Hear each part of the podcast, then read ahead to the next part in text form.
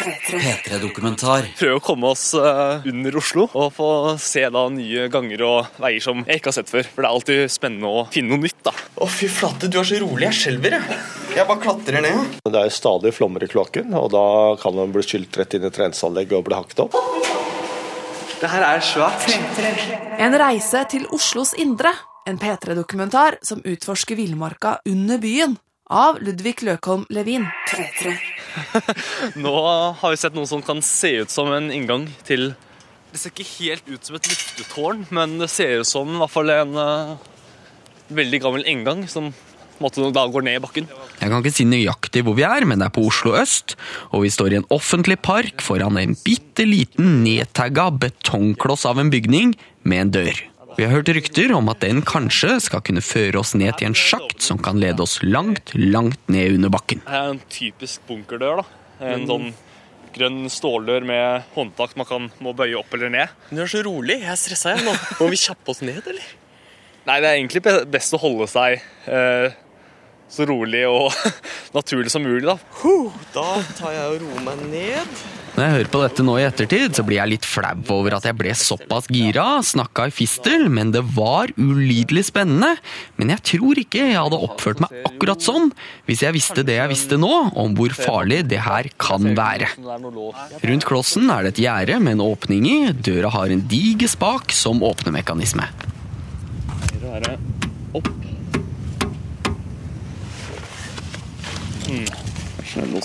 Håndtaket er gammelt og rustent og vrient å få opp. Men det går. Fy flate. Rommet er knøttlite, og en innestengt muggenlukt slår imot oss. Nå har vi da kommet oss inn i denne betonggreia. Det er et hull ned i gulvet, og en sleip, fuktig stige går ned i mørket. Pass på ikke å falle. Ja. Og det går rett ned. Ja. Men du, hvis, hvis det kommer noen nå, stikker vi ned eller ut? Det spørs litt hvem som kommer. Hvis det kommer noen vanlige folk, så kan vi spørre om de vil være med. Hvis det kommer noen fra kommunen, så vil de sikkert ha oss ut. Ja. Jeg går ned, jeg. Ja. Å, fy flate, Det her har jeg nesten aldri trodd at vi skulle komme ned hit. Nei. Å, fy flate, du er så rolig. Jeg skjelver, jeg. Jeg bare klatrer ned. Ja. Og det er ikke lov å falle. Nei. Jeg kommer rett inn straks. Å, dette er så jævlig kjort. Å, fy faen. Nå har ikke jeg noe lommelykt på, jeg. Men det var du smart nok til. Å, fy flate, Tor. Ja, det er svært. Men jeg ser jo ingenting, vet du, så jeg veit ikke hvor svært det er. Og der har jeg lommelykta framme. Å, fy faen, Tor Lillo. Dørkis! Er du klar over hvor rått dette er, eller? Det her er svært. Jeg trodde det måte skulle gå ned til en liten eh, Jeg vet ikke, lite sted, men det her er for eksempel altså, Her kunne man jo kjørt en bil som hadde fått en bil inn, men nå har vi gått ned en nesten et lite rør liksom, for å komme oss inn. Så nei, det her er svært. Dette her er så kult. Han vi er med, kaller seg Torillo, han vil helst være anonym, og selv om han bare er 19 år, så er han sannsynligvis den i Oslo som har vært nede i flest bunkere, gruver og underjordiske systemer. På seg har han vanlige klær, men i sekken har han en fast pakke med batterier, kniv, lykt, kamera og hansker. Det vi driver med nå er hobbyen hans, det kalles UE, og vi spoler tiden litt tilbake, en ca. ti minutters tid, til da vi fortsatt var oppe i dagen for å høre mer om den hobbyen. Det står jo da for Urban Exploration. Eh, Noen kaller det for Urban Exploring. Og så har det flere forkortelser som eh, da UE, Urbex og ja, alle mulige former for det. da. Eh, Ja, det handler jo om da å For meg handler det om å dokumentere og besøke undergrunnen. da. Mange besøker også nedlagte hus, og jeg har også gjort det. Altså forlatte hus og fabrikker. Men for meg er det mest spennende å på en måte besøke det som fins under bakken. da og inn i fjell. Det er det jeg syns er mest spennende. Som på en måte er mest skjult for folk, men likevel tilgjengelig. da. Men og i dag skal vi under bakken. Fortell liksom, hva, hva er planen? Eh, Vi er ikke helt sikre, men vi prøver å komme oss eh, under Oslo.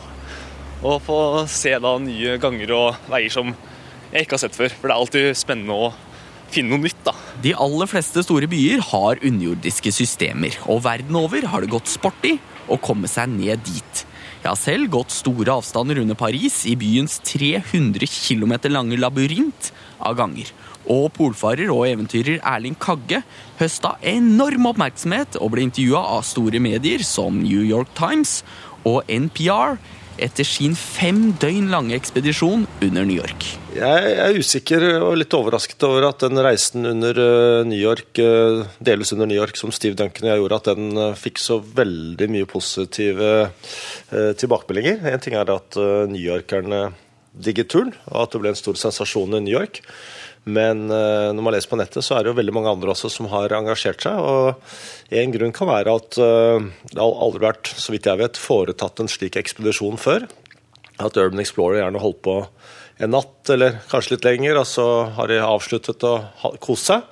Men at, er, eh, at man har gått i flere dager med ryggsekk og alt man trenger på ryggen, og litt den norske måten å og sovepose, liggeunderlag og primus eh, med seg. Og oppleve den friheten det å gå i en storby og kunne legge seg akkurat hvor man vil i en sovepose, og stå opp når man vil og gå og klatre videre. Det var noe som fascinerte eh, veldig mange mennesker. Og så er det jo også det, tror jeg, at eh, det er lett tilgjengelig måte å drive exploration eller eventyr på. Og det er billig, i motsetning til å gå til Nord- og Sydpolen f.eks. Så det er litt mer demokratisk. Og det er klart at det å bare liksom åpne et kumlokk og forsvinne fra jordens overflate, det er en, eh, det er en sånn mangeartet følelse. Det er jo helt svart i enden. Man aner jo ikke hvor langt det går.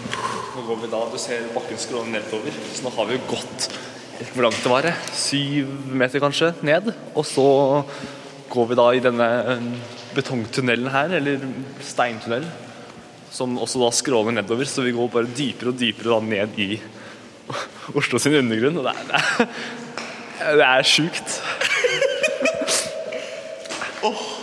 Nå, altså, jeg aner jo ikke hvor langt det her går.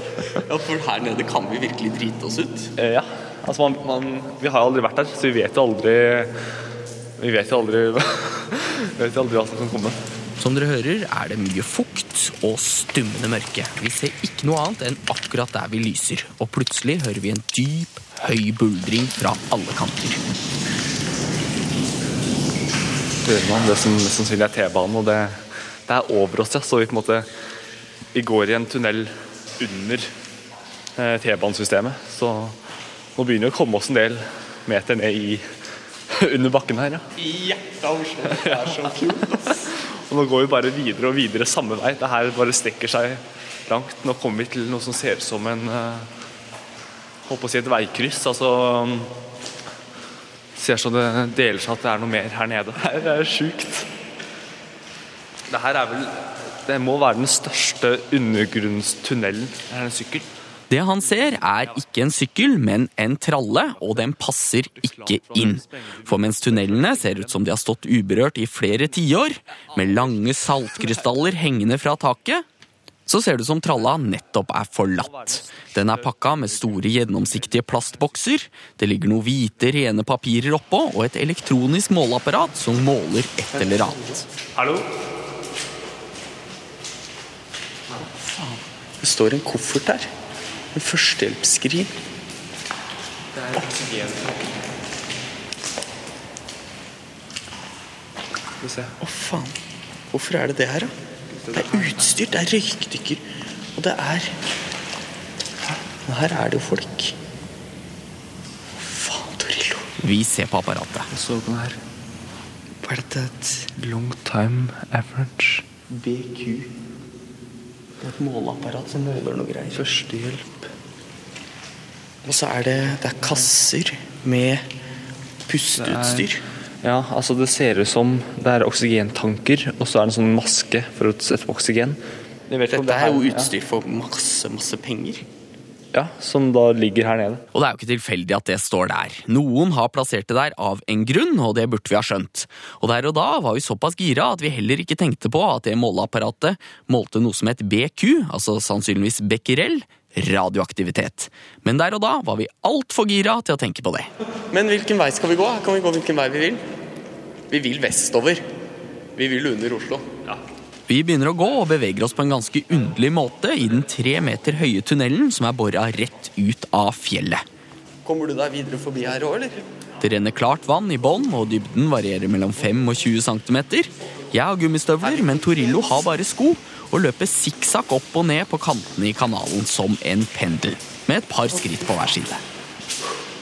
Vi må hoppe opp dette rør, ikke sant? så ligger det vann nederst.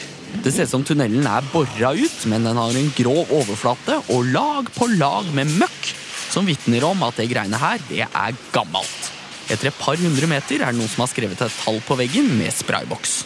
Her står det 4600 meter. 400 se- Tror du vi er 4600 meter fra noe? Mulig.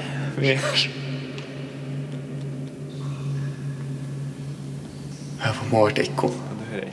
Og stemninga er veldig spesiell. Vi tror hele tida vi hører folk, og fantasien jobber på høygir. Bare hør på Torillo her. Det ligger noe i vannet der borte. Jeg vet om det er en gris eller hva det er. En gris! Tror dere det var en gris som lå der nede? Det var ikke en gris, det var Jeg vet ikke. Nei, det var en stein. Og sånn jobber vi oss nedover gangen. Så jeg vet ikke hvor mange som driver med det her i Oslo, da, men eh, jeg og det på en måte, gjengen jeg pleier å dra rundt med, tror vi er de som har kartlagt og dokumentert mest av Oslo sin undergrunn. For Vi har holdt på med det her i en del år nå. Altså mange av de vi eh, eller jeg, man, altså mange av de jeg går på tur med, de er jo folk jeg har møtt og blitt kjent med gjennom internett. Uh, ja, altså vi, vi legger ut uh, legger ut bilder og historier fra steder. Så er det folk som sier 'Å, jeg har lyst til å være med. Kan jeg være med?' Og hvis de på en måte virker uh, ordentlig og er interesserte, så på en måte gå, tar vi en tur. Og så på en måte samler vi en gjeng, tar en tur. Og uh, ofte så på en måte finner vi da folk som um, er seriøse og på en måte har lyst til å ha det her som en hobby. Og eh, jeg har jo flere ordentlig gode venner nå som eh, jeg har på en måte møtt gjennom Urban Exploration da, på internett. Et nytt tall dukker opp på veggen. Å, hva var det det sto i stad? 4006, tror jeg. Skal vi se hva det står. Jeg har det på kamera, det er derfor det er lurt å ha 4006, ja. Den teller ned! Teller ned. Her er det skilt hvor det står 4003. Og vi har sikkert gått 300 meter. Ja. Så det betyr at det er faen meg over Bare- 4 kilometer. Nå krysser vi Oslo under bakken. Vi går og går, og det er litt grus og stein i bånn av røret, og en mobil. Alltid kult når det ligger ting. Ja, hva er dette? Her. Det her er en liten rød mobil. Ser? Og ikke lenge etter, enda en. En telefon til. Vi nærmer oss 45 minutter gange, og da skjer det noe. Nå hører du noe lenger bort her. Ja, hva er det? Det er stille.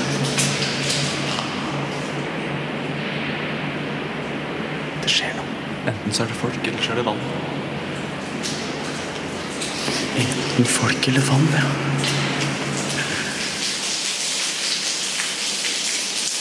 Torshov! Er under Torshov! Og redde vann ned. Det er en foss i Torshov. På Torshov. Her er vi. Nå har vi gått langt under bakken.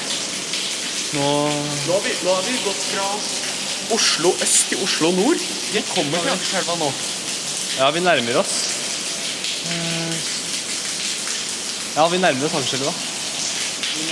Røret vi beveger oss i, er et av flere som vann- og avløpsetaten drifter. Til sammen perforeres Oslos undergrunn av mer enn 50 km, altså fem mil, med rør store nok til å gå i. Der er en blå hjelm til meg. Noen dager etter ekspedisjonen besøkte jeg vann- og avløpsetaten. Da konfronterte jeg dem med hvor vi hadde vært, men det kommer vi tilbake til senere. De veit ennå ingenting. Og vi sitter i en bil på vei ned i en diger pumpestasjon 60 meter under bakken.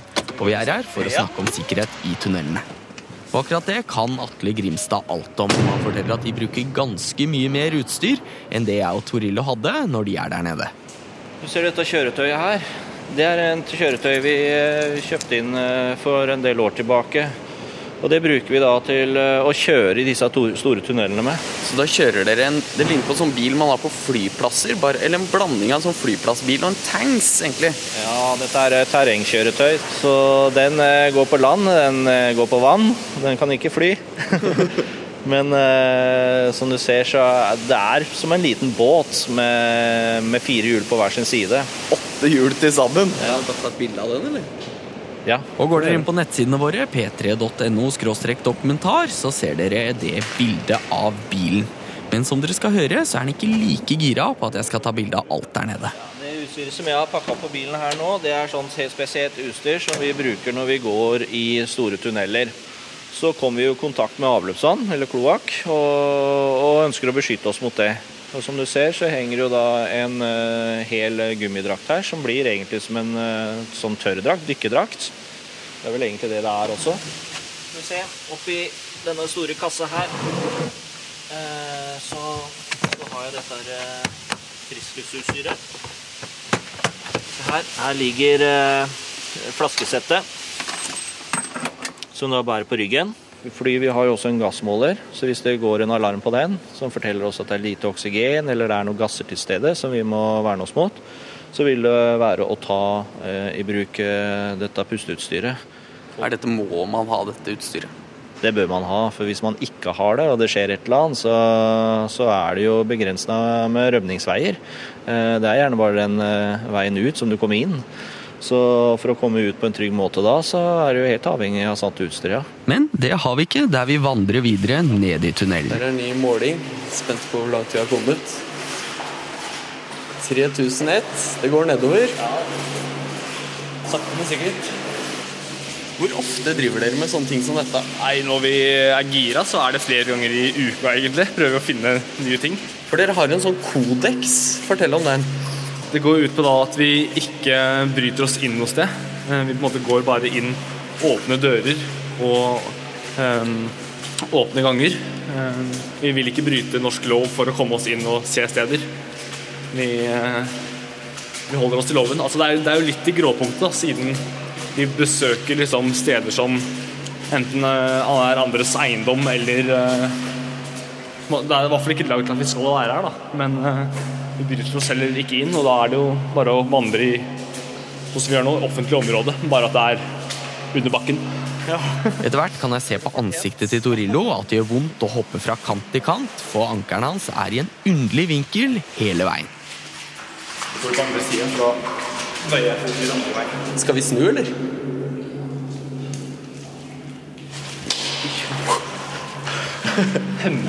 Godt spørsmål.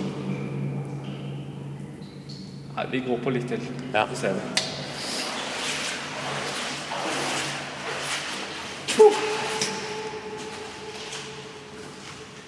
Man sier fra Å! Gammel saks. Nei, det er jo en operasjonssaks. Og de skal vi finne flere av, og du skal se at vi finner ganske mye rart. Og det gjorde Erling Kagge også på sin ferd under New York. Det er klart det var veldig interessant også det å først gå gjennom kloakken i Bronx, eh, ned mot Harlem, eh, og så noen dager etterpå komme frem til kloakken i Soho. eh, Hvor det også kan, sånn sosiologisk kan se at folk i Bronx bruker mye mindre dopapir enn folk i Soho, hvor det, hvor det bor mye rikere mennesker. Og også i Soho så kaster de til og med iPhones i dass når de er lei av dem. Så det var mange sånn, litt sånn morsomme ting også. Og det er noe spennende ved det også se en by rett og slett på vranga. Eh, se byen 180 grader eh, opp ned. Og se den menneskeskapte villmarken som eh, er under bakken, hvor ikke noe er bygget ut for noe annet enn rasjonelle hensyn. Ikke noe estetiske behov i det hele tatt. Men allikevel så har en sånn rar form for skjønnhet. Nå sitter jeg og skriver bok om dette her, og det er en sånn form for negativ skjønnhet. At det er vakkert i kraft av alt som ikke er der. Altså Det er jo ikke noe frisk luft, det er ikke noe spesielt lys, det er ikke noe veldig farverikt. Det er egentlig ikke noe det man tenker på som vakkert som nordmann i det hele tatt. Men eh, deri ligger eh, den negative skjønnheten. Og vi skal dvele litt ved den skjønnheten, for som dere hørte, besøker UE-folk alt fra nedlagte fabrikker til bunkere og underjordiske tunneler. Men felles for alt sammen er fascinasjonen for forfallet. De ser etter det vakre i det stygge. Og en guru innen dette feltet er en svenske som heter Jan Jørnsmark. Han er en 53 år gammel, skjeggete, men velkledd mann. Han har skrevet doktorgradsavhandlinga si om økonomisk utvikling, men han jobber ikke som økonom nå. Nå lever han helt og holdent av å reise verden rundt og ta bilder av forlatte steder. Han slutta på universitetet etter at han besøkte Detroit i USA. På 50-tallet var det en av verdens største industribyer, og den vokste enormt. Men så ble store deler av produksjonen flytta til Asia, og den fantastiske byen ble forandra til et mekka for urban explorers. Detroit er jo staden som 1950 hade 2 innvånere, og i dag har 730 000. Det, det, det er staden som er brukar säga, dystopin av globaliseringens utmaningar. Allting som kunde gå fel gikk fel i Detroit og ingenting gikk noensinne rett heller. Derfor så föll stan ihop. Ett fall från 2 miljoner till 730 000, då, då är det inte mycket kvar. Och, och då underhåller man inga byggnader och tar dem heller. Så Detroit fick, eftersom man misslyckades i allting som fanns egentligen, så fick man redan på 1990-talet världens mest spektakulära ruiner. Därför blev Detroit det första stället i världen där folk började fotografera, lägga upp det på internet. Sajten The Fabulous Ruins of Detroit blev berömd redan 97-98. Därför blev ju Detroit i de här kretsarna där jag rör mig då, bland Urban Explorers. Detroit blev vår variant av Mount Everest eller K2 eller någonting sånt där. Dit som alla vill. Där det finns skyskrapor som står tomma. Där det finns allt. En del pratar om 80 000 tomma byggningar, en del pratar om 200 000. Det är svårt att säga. Det, det, du åker runt i tre dagar från morgon till kväll och det är bara mer och mer och mer. Men hva er det du ser? Hvordan er det? Kan du forklare liksom hva man ser, og hvordan følelse du får inni det? Jeg bruker si at jeg og, og min medfotograf Annika gikk opp en natt når vi var der en vid ett av tillfällena. En natt på en tom skyskrape, The Metropolitan. Og så stod vi der oppe ved ett-tiden på natten på den här magnifika 1920-talsskrapan med Gotham City och Batman och, och det är ju världens vackraste stad på 20-talet. Det växer björkar runt omkring oss uppe på taket och vi tittar ner på stan och stan är alldeles tom. Där det har stått skyskrapor är det tomma parkeringar. Det rör sig inga människor därför att de som går på crack de har gått och lagt det, eller de har fallit ihop någonstans för den tiden. Det är bara tomt. Och det är tomheten som är så dominerande och förskräckande. Det, det är en Blade Runner-känsla. Tänk dig att halva befolkningen verkligen är analfabeter. De går ofta på crack. Och, och, och har du inte kontakter i den lokala urban exploration-kulturen så kommer du ingenstans. Då sitter du kvar i bilen och är bara skräckslagen över tomheten, crackmänniskorna, metalltjuvarna. Scener som du aldrig förr har sett. Men når du forteller om dette nå, så høres det helt forferdelig ut. Altså, dette er menneskers undergang. Det er sånn konkurs ser ut. Og det er forfall. Eh, men er det noe vakkert i dette her? Ja, det, det jo o- oerhört vakkert Og jeg vet i det som ikke er vackert. Alltså det, det vackra, jag tar en sån här som har stått sedan 1980 och du kommer in och du ser mossan på golvet och de långsamt fallande stenarna och verkligheten som löser upp sig i en målning av René Magritte. Det där är vackert och estetiskt. Men det, det finns någonting i det där också som säger någonting om hur sårbar den här är om vi slutar att lära oss saker och ting, om vi slutar att gå vidare, om vi inte kan hantera segregationsproblematik, integrationsproblematik och det som följer med globaliseringen. Och sen finns det någon estetik även i sånt förfall. Vi er tilbake igjen under Oslo. Både Torillo og jeg begynner å bli slitne, og vi begynner å synes det går sakte fremover. Det er stykket. Åh, nå har vi jo stått stille en periode. Det er bare det er 1375. Jeg Syns det var litt sist, da. Ja, det syns jeg òg. Og begynner ene foten min å bli litt vondt. Gjør det det, ja? Ja, det går bra. Men eh, skal vi snu? Nei, nei, er du gal? Nå, er det jo lenger eh, tilbake enn det er eh, fremover. Eller vi vet jo ikke om vi kommer opp igjen, men Nei, skal vi krysse Oslo, så skal vi krysse Oslo. Vi veit ikke ennå, men vi befinner oss sånn cirka under Ullevål sykehus. Og på et eller annet underlig vis har de klart å skylle ned masse operasjonsutstyr, som sakser, skalpeller og pinsetter, ned i tunnelen vi er i. Oi, her er det selvfølgelig to sakser til, og en skje tre sakser. Ja, vi kommer til noe lenger frem. Der. En saks og en pinsett. Og en barberblad. Og et fat. Og en saks. Grunnen til at jeg veit sånn cirka hvor vi er, er at jeg så et kart da jeg var på besøk hos vann- og avløpsetaten. Atle, som vi er med, veit ennå ikke at vi har vært der, men han veit veldig godt at folk prøver å ta seg ned i tunnelene. Grunnen til at jeg sensurerer noe, er at dere ikke skal få vite hvor vi kom ut helt ennå. Du Kan jo se det litt på kartet her, så ser du liksom disse hovedtunnelene eh, som renner rundt i byen. Nå står vi jo her. Midt på Ja, og den tunnelen som kommer inn, den ser du jo kommer helt herifra. Egentlig så ser du han starter jo helt oppe ved Alnabru-området, egentlig. Ja. Og, og renner da ned mot, nedover mot sentrum. Og den går da en bue helt opp eh, Ja, der er Den går, Munch-museet. eh, går forskjellige Rett steder her. under uh, Tøyen-området opp til Torshov. Under Ullevål og over rett til Ja. Kan jeg ta et bilde av det nå, eller? Helst ikke. Ikke? Nei. Nei. Vi har en del, vi har en del folk da, som uh, syns det er veldig spennende å gå på jakt etter uh, hulrom, tunneler og alt mulig sånn rundt i Oslo by. Mye av det er jo ikke vårt. Uh, men det vi har oppdaget, er at vi har jo Vi har jo liksom eh, kommet over eh, nettsteder på, på nettet hvor du ser eh, folk som driver med dette som de kaller for UE, da, eller eh, Urban Exploration, som de kaller det. Og, og de eh, liker å ta seg inn på områder som de ikke har lov til å være, eh, for å utforske på egen hånd. Og det er jo ikke å anbefale. Eh, så, så når det kommer til folk som noen ganger ringer oss og spør om kan de få et kart over alle de store tunnelene og sånn, så vil vi helst ikke dele ut det. For da øker vi bare muligheten for at folk som ikke har noe der å gjøre, kommer inn.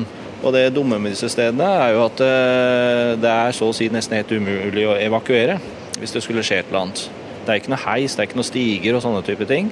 Så hvis du ikke klarer å komme deg ut på egen hånd, så blir du der. Det er sånne ting som disse som driver og beveger seg på tunnelsystemer ikke tenker så mye på, sikkert. Nei, jeg tror ikke de tenker på det. Så, så det er eh, mest for å beskytte andre.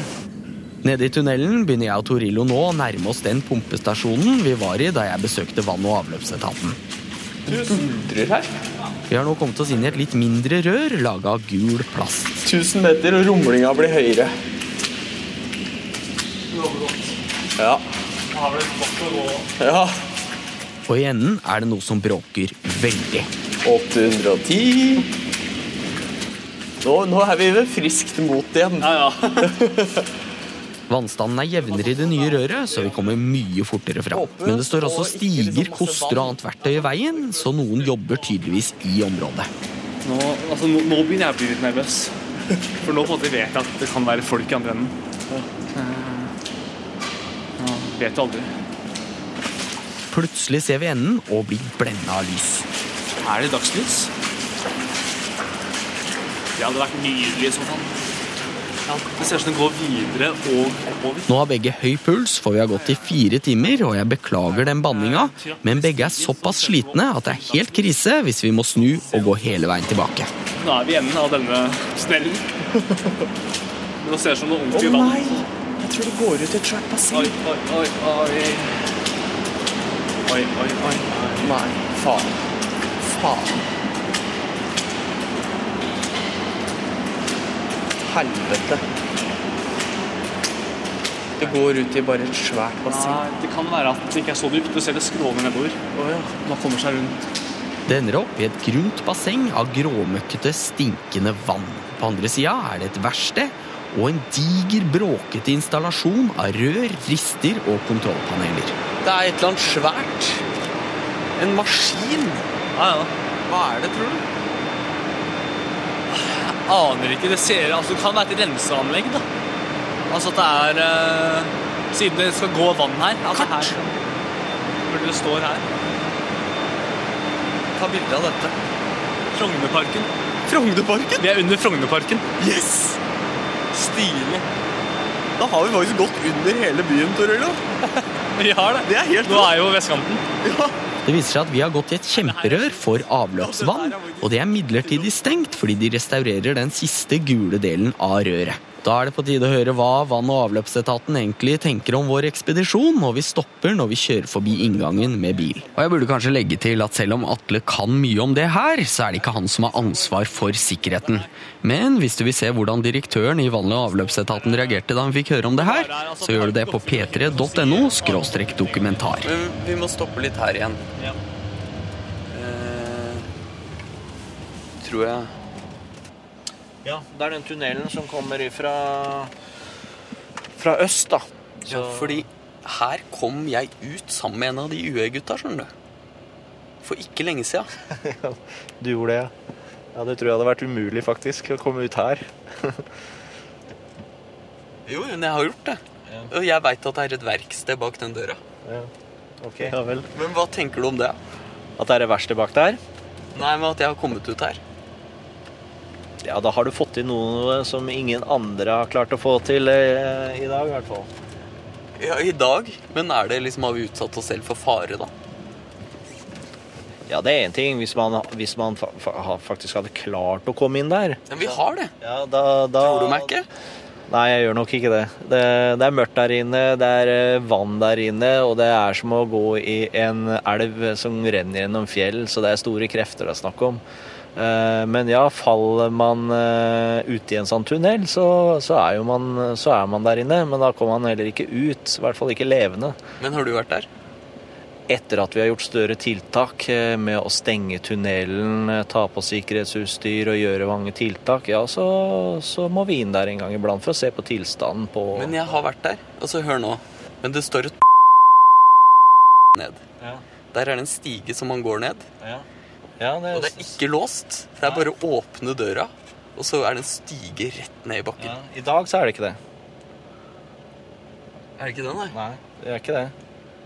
I forbindelse med, med de rehabiliteringsarbeidene som er vært gjort, som er avsluttet nå i dag, så, så har det vært tilgang på, på det stedet for å lufte tunnelen, så de som jobber der inne, skulle få tilgang på frisk luft. Men eh, det, det, det skal ha vært et avsperret område. Har jeg gjort noe kriminelt? Eh, ja. Og, og jeg kjenner til det. Men jeg kjenner jo ikke til hvem som har vært der. Det punktet som, eh, som du snakker om, det er et punkt som har ligget der siden gangen eh, tunnelen ble bygget. For det var det punktet som man heiste opp og ned Borgen. Eh, Den svære boremaskinen som liksom bora seg gjennom fjell. Og for ikke bare blende øh, hullet helt igjen, da, så er det jo satt et tårn oppå dette her som er helt avlåst. Men øh, under de Det er jo ikke avlåst. Hæ? Det er jo Sånn ikke avlåst. Nei, sånn som, sånn som i dag, så er det avlåst. Så ja. Så jeg vil jo tro at Jeg syns det er rart at det skulle stå så åpent at det er bare å spasere rett inn. Det skulle jo ikke vært mulig. Eh, Hadde det skje, skjer noe med folk som kommer seg ned på sånne steder som det der, så er det jo ikke noe overvåkning med kamera og sensorer på noen ting som gjør at folk vet at det her er det faktisk noen. Så, så det som eh, kan skje, er at når rehabiliteringsjobben hadde vært ferdig, så kunne dette blitt satt i drift uten at noen hadde visst at det var noen der. Eh, ja, jeg regner med at de har tatt seg en eh, tur igjennom eh, for å se om det er noe gjenglemt utstyr og sånne type ting. Men da ville de da kanskje ha funnet kanskje folk som hadde kommet seg ned dit som ikke skulle ha vært der. Og da hadde nok antageligvis det vært for seint. Og det er et litt viktig poeng, folkens. Det at de jobba i tunnelen, er den eneste grunnen til at det var mulig å gå der. Så ikke dra dit, da blir dere tatt av en svær elv av avløpsvann og kloakk. Og det tror jeg ikke er spesielt kult. Men vi kom fram. Øverst i gangen er det en diger dør, stor nok for lastebiler.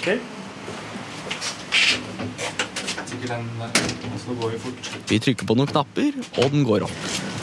Åh, vi er ute, Torilo. Nå ser noen oss på kamera, så vi tar går den veien her. Hvordan føles det?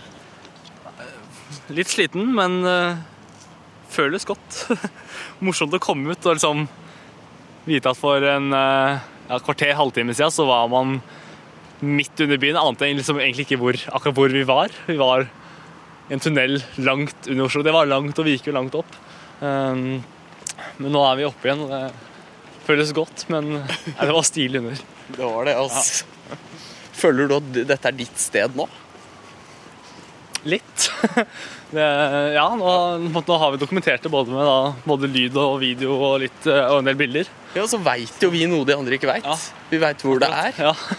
Og eh, det er på en måte ikke noe man pleier å si veldig høyt akkurat hvor inngangen er. Man kan si på en måte hvor gangen gikk, kanskje hvor man endte opp, men eh, Nei, det er sant. Og nå har vi gått under Oslo. Jeg tror ikke det er så mange som har krysset Oslo på den måten.